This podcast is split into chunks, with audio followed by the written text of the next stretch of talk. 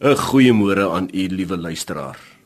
Miskien sou u nou vir my wou vra, wat is so goed aan hierdie oggend?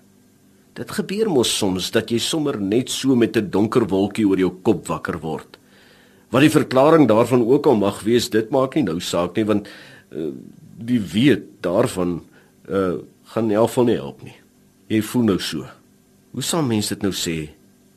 Jy voel nou so hoe sal mense dit sê so af. Daar is mense wat sê dat wanneer hierdie afgevoel by jou opkom, jy dit moet beveg met geesdrif en uitdaging. Hulle sê sê vir jouself, ek is ek. Ek is 'n iemand. Niemand sal in my pad kom staan nie. Ek sal kry wat ek wil en wat ek nodig het want sien, ek is 'n mens. Ek is ek. En so sê hulle moet jy die afgevoel uit jou gedagtes dryf. As jy dit al probeer het, sou jy agtergekom het dat hierdie manier van praat ander verkleineer om jouself te probeer opbou. Jy voel net nooit beter deur ander uit jou pad te vee om vir jouself ruimte te maak nie. Terwyl jy dalk vanoggend so in jou afheid ronddwaal en graag daaruit wil kom, praat dan die waarheid met jouself. Eerstens staan daar in 2 Korintiërs 7 vers 6: Maar God wat die neerslagtiges opbeer, het ons ook kom opbeer.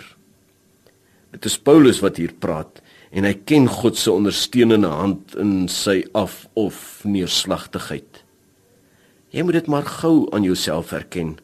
God sit nou saam met jou daar op die rand van jou bed. Hy sal jou nie los nie. Die tweede wat jy moet doen is erken hoe jy voel. Gits, kan jy sê, ek voel af vanoggend. En nee, dis nie lekker nie. Dis gesond en goed om die seer van die afheid te voel. Maar moet nou nie in die modderwater van selfbejammering gaan plas nie. Erken dit. Dis af en dis sleg. En dan sê vir jouself, ek is in beheer.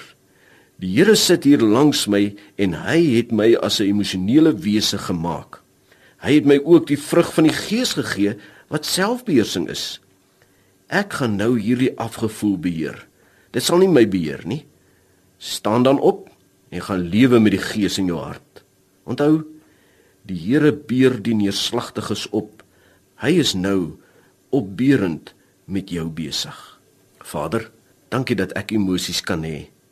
Ek is bly dat ek hierdie afgevoel kan beleef, maar dat ek ook vreugde kan beleef.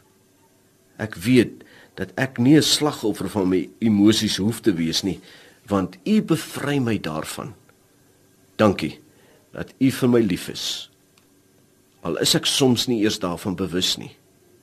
Hou my vandag styf vas. Amen.